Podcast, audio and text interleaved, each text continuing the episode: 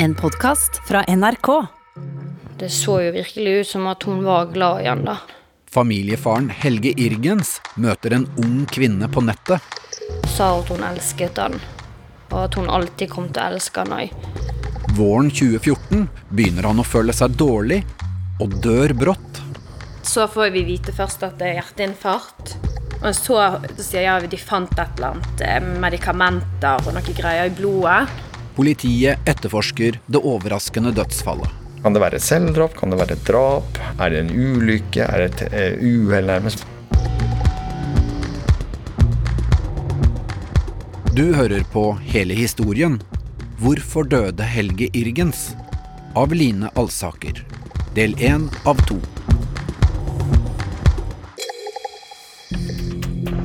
Jeg tror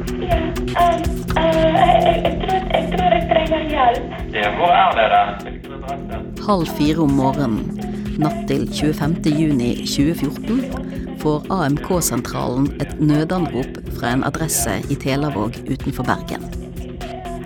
På adressen er det registrert to personer. Helge Irgens og hans kone Ruby. Det er Ruby som ringer. Hun forteller at ektemannen Helge ligger livløs i sengen. Operatøren på AMK-sentralen instruerer Ruby i hjerte- og lungeredning, og får sendt av gårde en ambulanse til huset i Telavåg. Den kommer etter 20 minutter.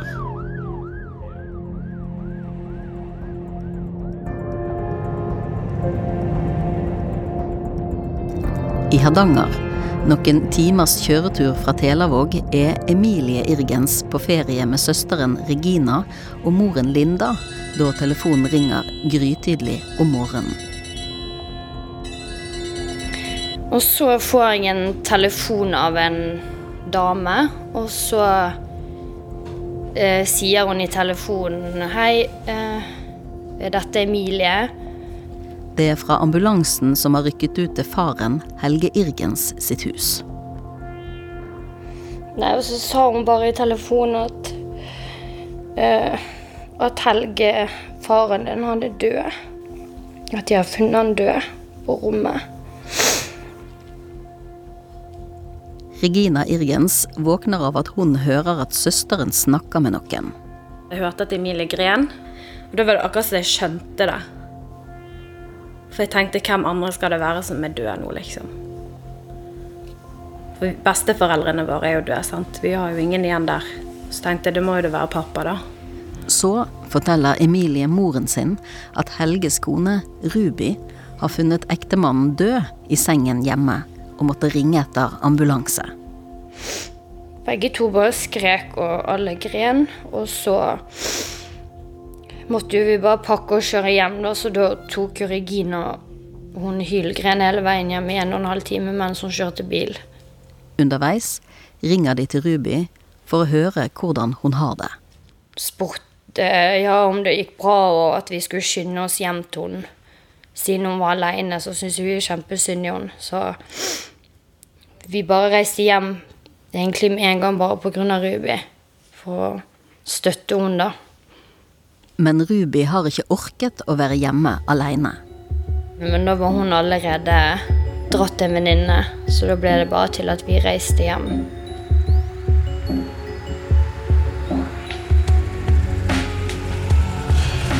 Så kom vel politiet etterpå.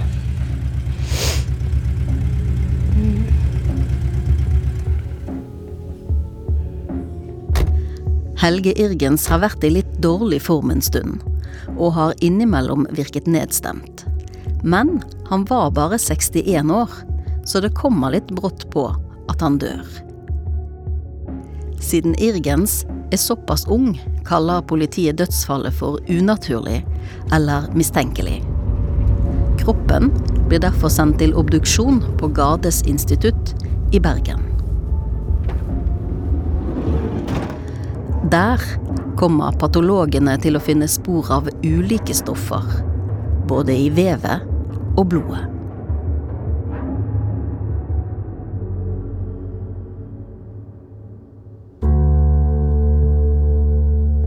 Men hvem var Helge Irgens egentlig?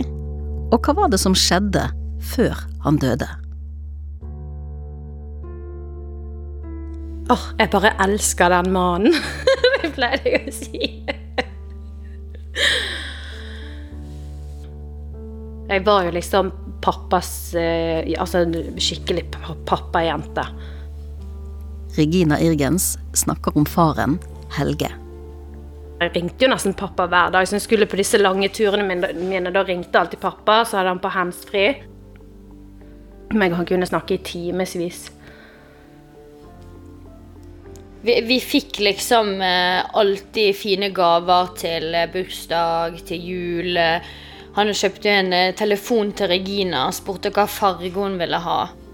Emilie Irgens, Reginas lillesøster. Hun ville ha en gullfarget, og da kjørte han rundt hele Bergen for å få tak i den telefonen. da. Ja, vi fant den ute i Åsane til slutt, og da hadde vi vært innom eh, alle stedene i Bergen vest. Ved starten av 2000-tallet bor sjåførlærer Helge Irgens alene i et digert hus i Telavåg utenfor Bergen. Etter at samboeren Linda, moren til Regina og Emilie, flyttet ut da døtrene var små. Så han, han, han var jo stresset mye pga. det med økonomien, og slet litt med økonomien. De økonomiske problemene gjør at Helge ikke klarer å kjøpe ut Linda uten å måtte selge huset. Altså, når jeg flyttet ut, så fikk ikke han låne mer, for han var lånt, belånt altfor mye. Dermed fortsetter Linda og Helge å eie huset sammen. Avtalen er at Helge skal betale de løpende utgiftene og sin del av huslånet, sånn at han kan fortsette å bo på samme sted.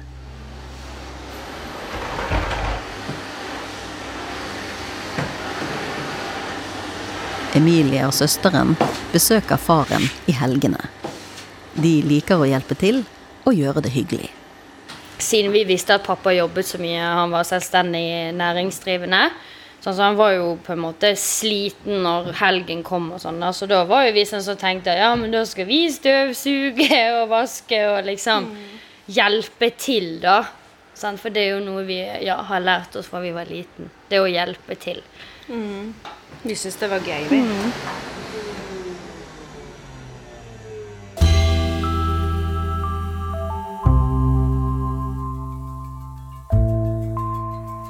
Tiden går, og i 2006, da Helge er i midten av 50-årene, svarer han på en kontaktannonse fra en filippinsk kvinne. Hun skriver tilbake, og snart går det en strøm av bilder og meldinger mellom Filippinene og Norge. Det fører til at Helge reiser på besøk, og de utvikler et forhold. Eh, han viste noen videoer av eh, at han hadde fått seg en ny kjæreste.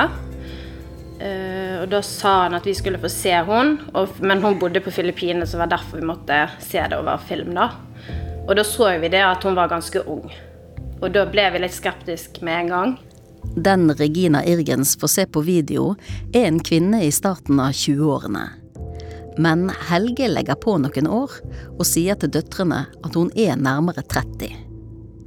Hun heter Ruby Rosa, blir til vanlig kalt Ruby, og har vokst opp hos en fosterfamilie på Filippinene.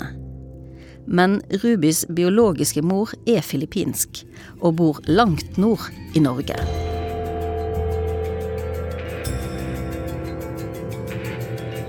Regina ser at faren blomstrer etter at han treffer Ruby, sjøl om aldersforskjellen er stor.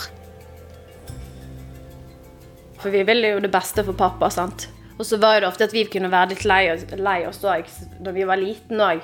For vi tenkte nei, nå er pappa alene ute i Telavåg i det store huset, sant, alene. Det kunne vi ofte tenke på. Og så ble vi veldig glad når han eh, fant seg noen som eh, han så ut som han var lykkelig med, da. Så da kom det liksom foran alt, på en måte, at han, han skal være lykkelig. Dermed gifter Helge og Ruby seg i 2007. Emilie Irgens liker farens nye kone veldig godt.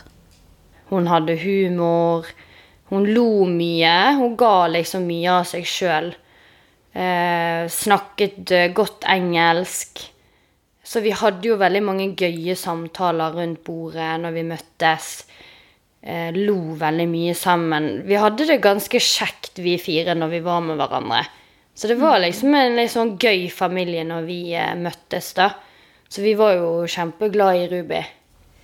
Linda, moren til Regina og Emilie, syns først at Helge heller burde ha funnet seg en kjæreste på sin egen alder, men tenker etter hvert at hun har vært litt fordomsfull.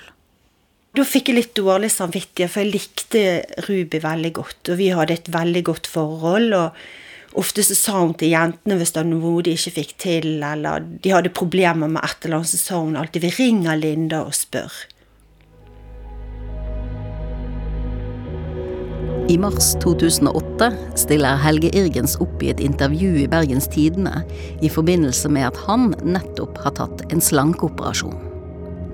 På reportasjebildet står Helge i sykehusskjorte med Ruby smilende ved siden av, og sier at han ser frem til et lettere liv som sjåførlærer og familiefar.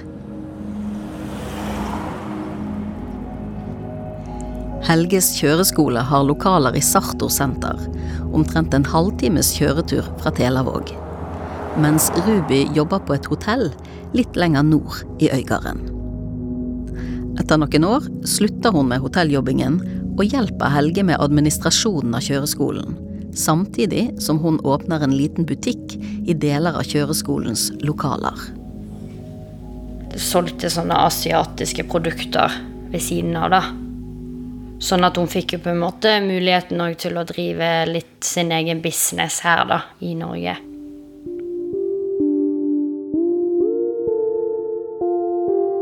Det døtrene ikke vet, er at det til tross for all jobbingen går dårlig med kjøreskolen. Det kommer regninger og inkassokrav som ikke blir betalt. Allikevel sender Ruby rundt 10 000 kroner i måneden til familien på Filippinene i årene fra 2007 til 2012. Ruby disponerer sine egne midler, så Helge har ikke oversikt over hvor mye penger hun sender ut av landet. Så hvis Helge og Ruby har pengediskusjoner, handler det stort sett om nettopp det. Hvor mye penger sender hun til familien på Filippinene? Hun er ikke helt ærlig med ektemannen, og sier ikke hvor høyt beløpet egentlig er.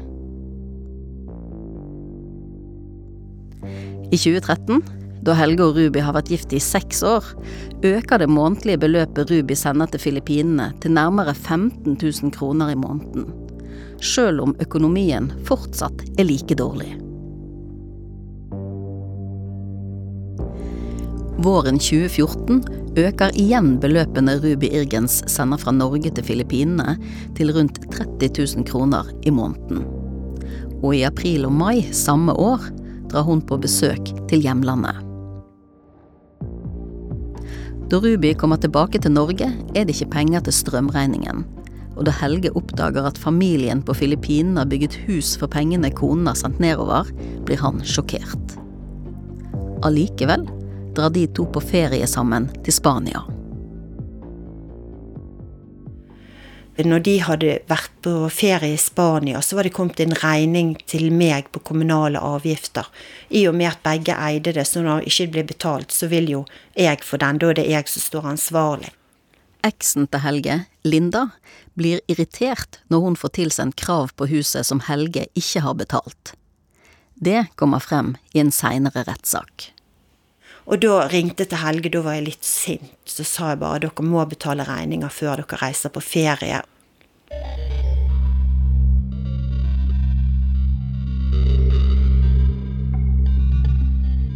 Ruby tror at lånet på huset er lavt, sjøl om hun jo vet at Helge har trøbbel både med privatøkonomien og økonomien til kjøreskolen. For Helge har ikke fortalt Ruby at Linda står som medeier av eiendommen i Telavåg. Ruby vet heller ikke at Helges del av det 300 kvadratmeter store huset er belånt langt over verdien av hans eierandel.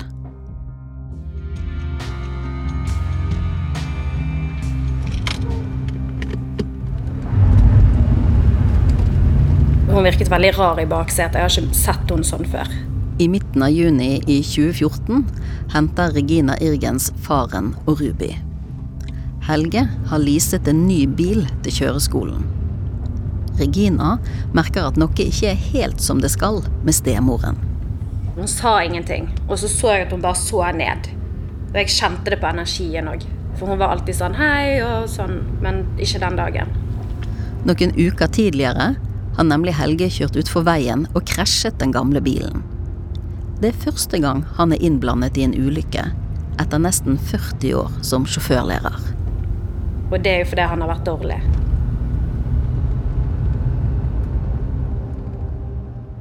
Helge har ikke vært helt i form på en stund.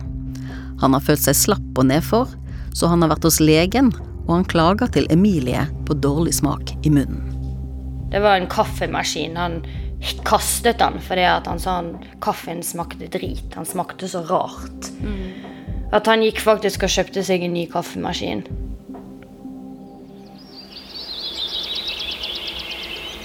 Så kommer fredag 24. juni 2014. Den siste dagen i Helge Irgens liv.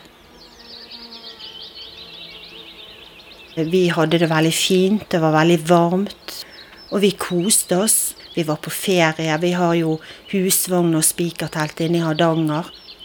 Linda er på ferie med Regina og Emilie, og har forsøkt å få tak i Helge på mobilen tidligere på dagen, uten å få svar. Men så hadde i forkant så hadde Helge sendt meg en melding. Og der sto det det at han hadde sett at jeg hadde prøvd å ringe han, men da han kom hjem, så holdt hele soverommet på å brenne ned. Og at han var veldig fortvilet. Eh, han skulle ta kontakt med meg seinere. Dagen før har et håndkle falt ned, eller noen har lagt det til tørk oppå en stråleovn. En ovn som sto på fullt sjøl om det er sommer og varmt ute. Begge deler, både håndkle og stråleovnen, begynte å brenne.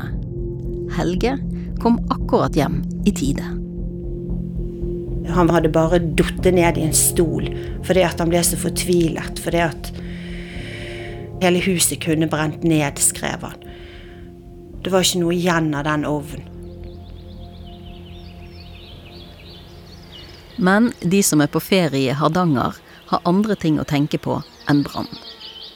Emilie har funnet en liten fugl som har falt ut av redet. Vi elsker jo dyr, så da fikk vi veldig sånn at nei, gud, vi må passe på denne fuglen. Vi har jo hunder, så vi lagde et bur til den da. Vi hadde et sånn åpent hundebur. Og så ga vi han drikke og mat, passet på denne fuglen. Eh, Så den sov med oss på soverommet den natten. I løpet av natten får de beskjeden om at Helge er funnet livløs i sengen og begynner å pakke for å dra av gårde. Da oppdager Emilie at fuglen de har forsøkt å redde, ligger død i redet i hundeburet. Den hadde mest sannsynlig kanskje dødd samtidig som pappa.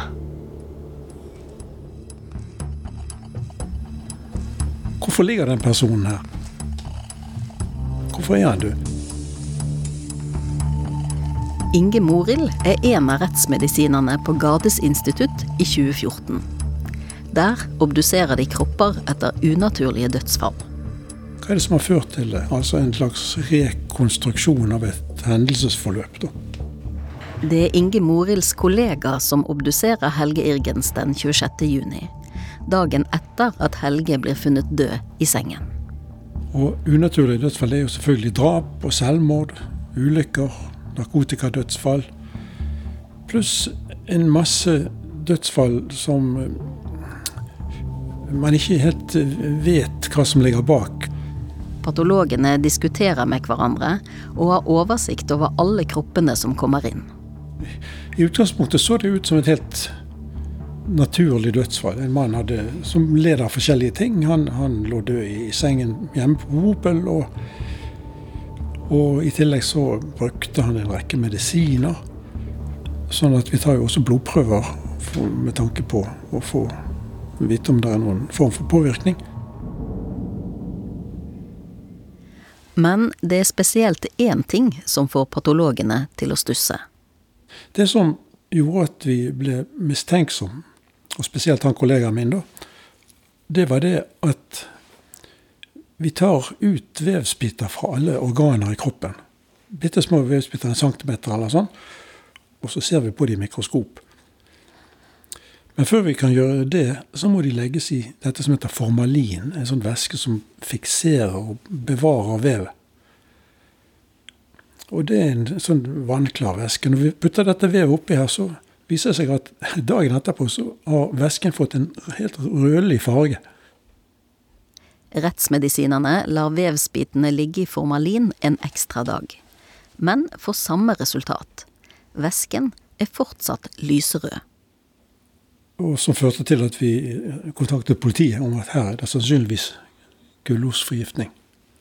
Som ingen aner årsaken til, for mannen lå på et soverom uten noe som helst annet. og Det var ikke tegn til noen ovn eller ild eller noe som helst.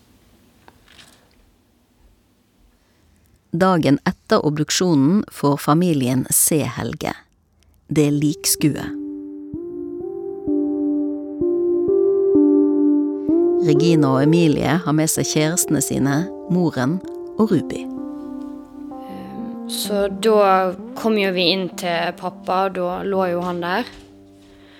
Da var jeg overrasket over hvor fin han var. Han så så fredelig ut. Han var liksom så fin og rosa i skinnet. og Glatt i huden. Ingen rynker. Veldig vakker, jeg. Veldig fin. Så vi brukte jo litt tid der med han, da. Holdt han i hånda. Og så er det én ting jeg aldri glemmer, og det var når Ruby skulle ta farvel, og da kan jeg huske at hun holdt hånden til pappa, og så sa hun Helge, eh, jeg elsker deg.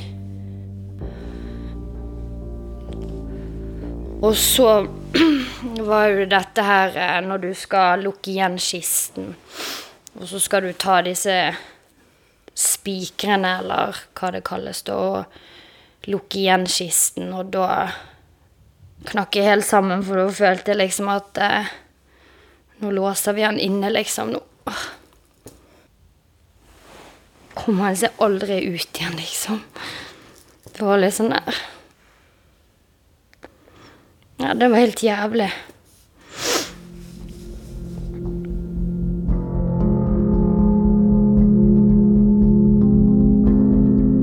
Ruby tar kontakt med sin biologiske mor i Nord-Norge etter Helges død. Hun hjelper Ruby med å søke om enkepensjon en uke etter dødsfallet. Den søknaden får hun innvilget.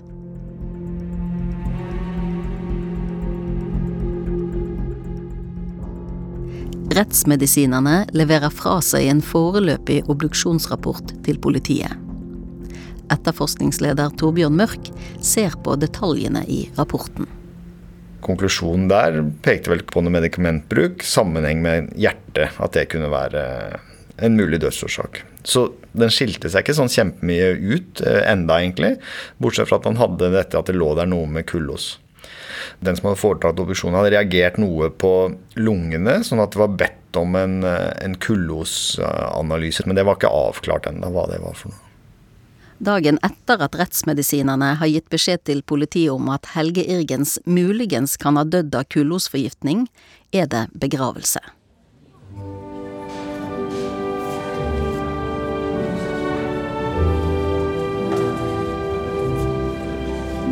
Regina Irgens og søsteren har planlagt programmet i kirken i detalj sammen med Ruby.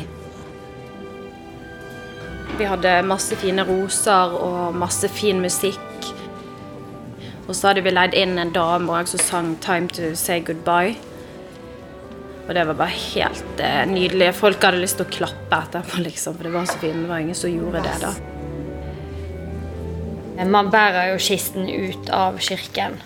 Og så ble kisten puttet inn i eh, denne her eh, bilen. Og da skrek Regina. Hun hylte. For da var det liksom gått opp for at nå skjer det. Nå forlater han oss. Og Da, da, skjønte jeg at dere han er faktisk død. Ja.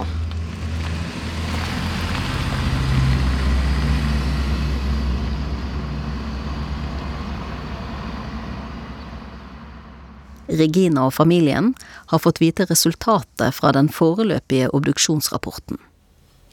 Så får vi vite først at det er hjerteinfarkt. Så tenkte vi ja, stakkar, han har stått på hele livet og med denne jobben og alt, han har sikkert vært kjempesliten. Og så ringer Rete Gade, så sier ja, de fant et eller annet eh, medikamenter og noe greier i blodet.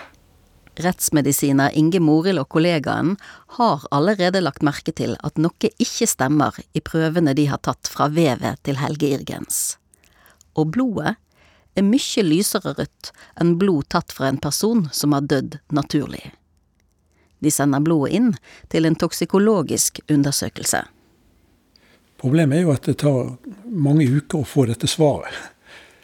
Og Dermed så ville ikke politiet gå i gang med noen stor sånn eh, etterforskning før de hadde det konkrete svaret på bordet. Og ikke bare en sånn antakelse fra oss om at det var en væske som var blitt litt mer rød enn vanlig. Det blir en lang og uvanlig sommer for Emilie Irgens etter at faren er død. Det var jo begynnelsen av sommerferien, så hele sommerferien gikk vel egentlig bare på å sørge. Det var, ja, veldig tungt, for plutselig så bare bryter det ut at man eh, ja, bare knekker sammen. Da. Så det var liksom At man kunne plutselig være normal, og så plutselig bare faller det over deg, og så bare knekker du sammen, og så Ja, veldig rart, merkelig følelse. Regina Irgens syns beskjeden fra patologene om at det er funnet medikamenter i blodet er tøff å få, etter at de først trodde faren hadde dødd av hjertesvikt. Hun vet at faren har følt seg dårlig, og tror dermed at han har valgt å gjøre noe drastisk. Og så det var liksom Å ja, han tatt selvmord. Så jeg følte jeg måtte sørge på nytt igjen.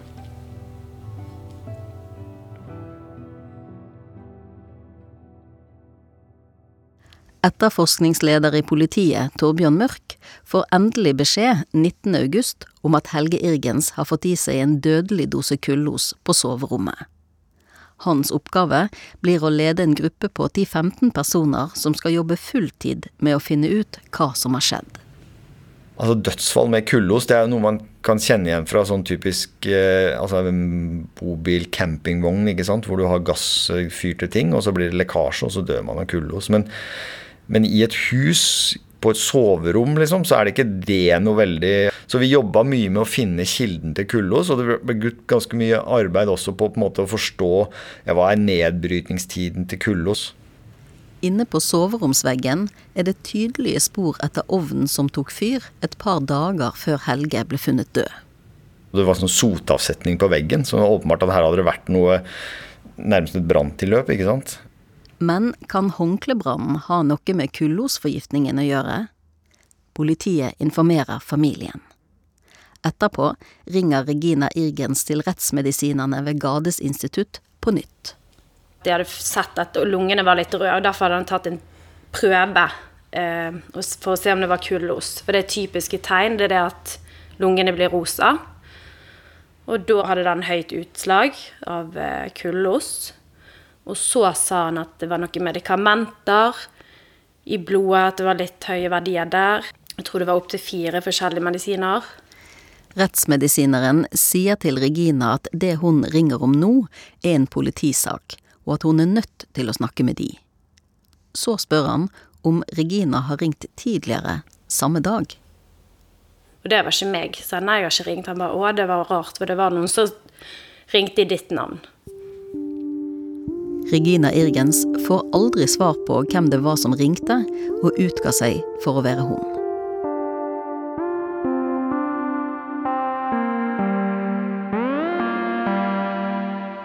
I blodet til Helge Irgens blir det funnet spor av beroligende midler. Men den toksikologiske undersøkelsen viser òg spor av nikotin og alkohol. Helge røykte ikke, og han var tørrlagt alkoholiker mange år før han døde.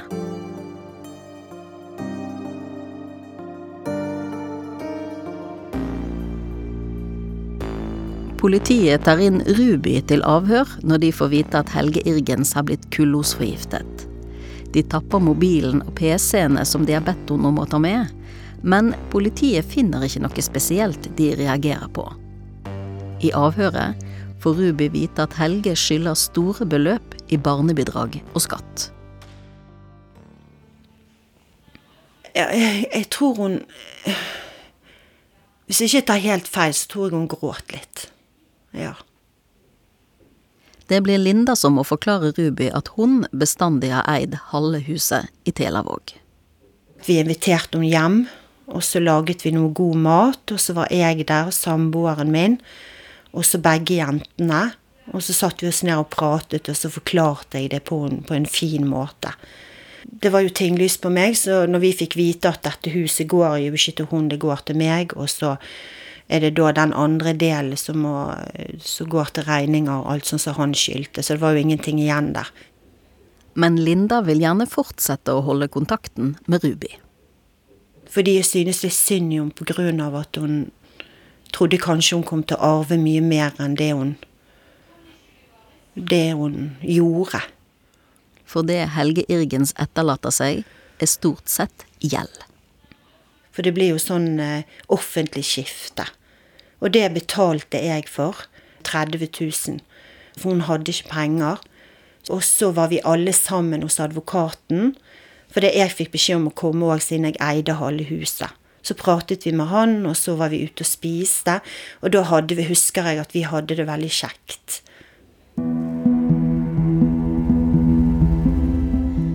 Etterforskningsleder Torbjørn Mørk har et problem.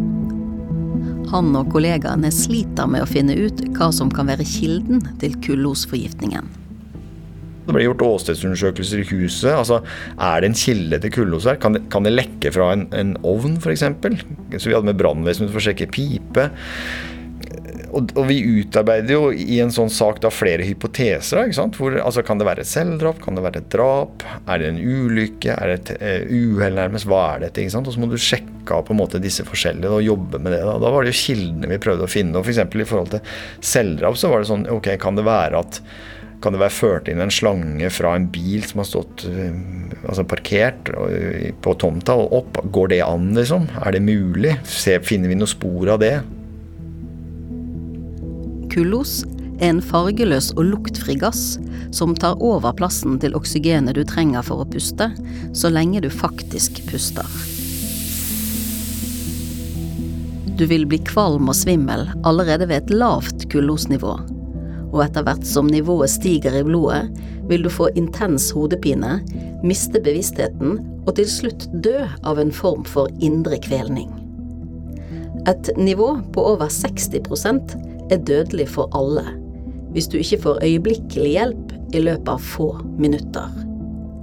Helge Irgens hadde et kullosnivå på 64% i blodet. Rettsmedisiner Inge Morild. Hvis han har 64% så betyr det at det har vært en ganske høy konsentrasjon i rommet. Hvis det er en veldig høy konsentrasjon i rommet, så kan han kanskje få opp i 80% Men så er det én ting til hvis du har hjertesykdom, eller hvis du er gammel og litt sånn skrøpelig og har litt svekket helse, så tåler du også mindre kullos enn en frisk, eh, sterk person. Så da kan du faktisk dø kanskje ved lavere enn 40% Hvis du har hjertesykdom med trange pulser og, og du sliter med å få oksygentilførsel rundt omkring i kroppen, så Får du litt eh, kullose og, og svekker oksygentransporten ytterligere, så, så dør du raskere. Altså. Med en så stor konsentrasjon av kullos i blodet er det ikke sannsynlig at Helge Irgens har fått i seg gassen et annet sted, for så å gå til soverommet. Han ville ha vært bevisstløs lenge før han hadde kunnet tenke på å flytte seg.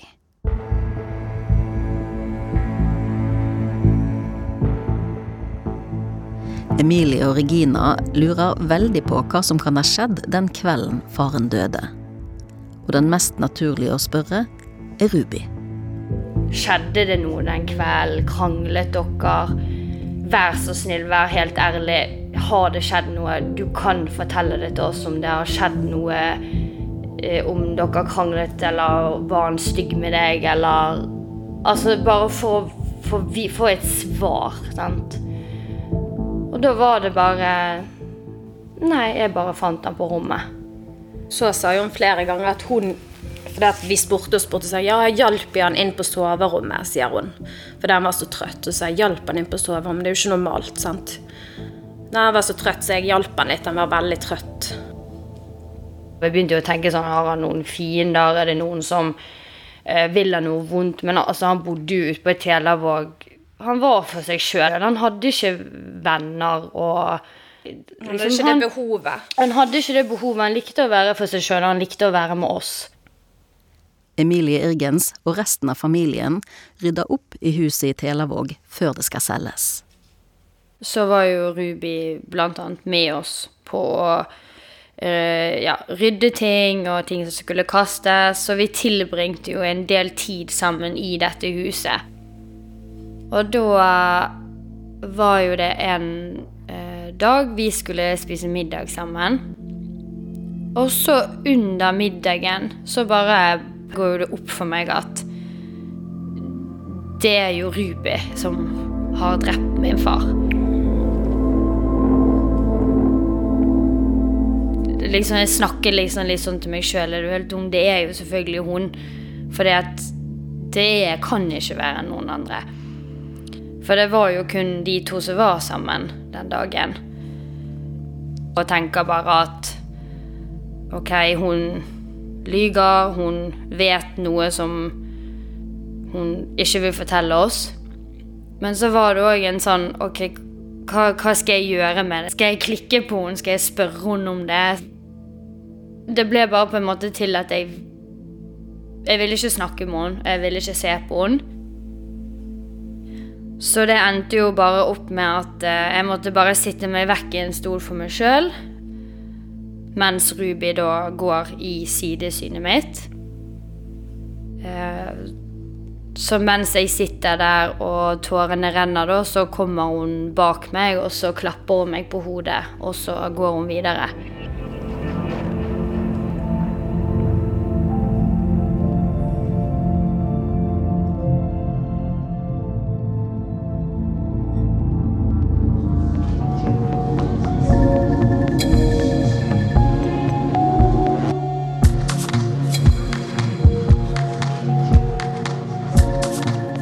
Du har hørt første del av Hvorfor døde Helge Irgens av Line Alsaker. Lyddesign ved Kjetil Hansen. Produsent Kjetil Saugestad. Redaksjonssjef Ragnhild Veire. Ruby Rosa Verano har takket nei til å være med i denne dokumentaren. Neste og siste del finner du i appen NRK Radio. Send oss gjerne en e-post på helehistorien krøllalfa nrk.no.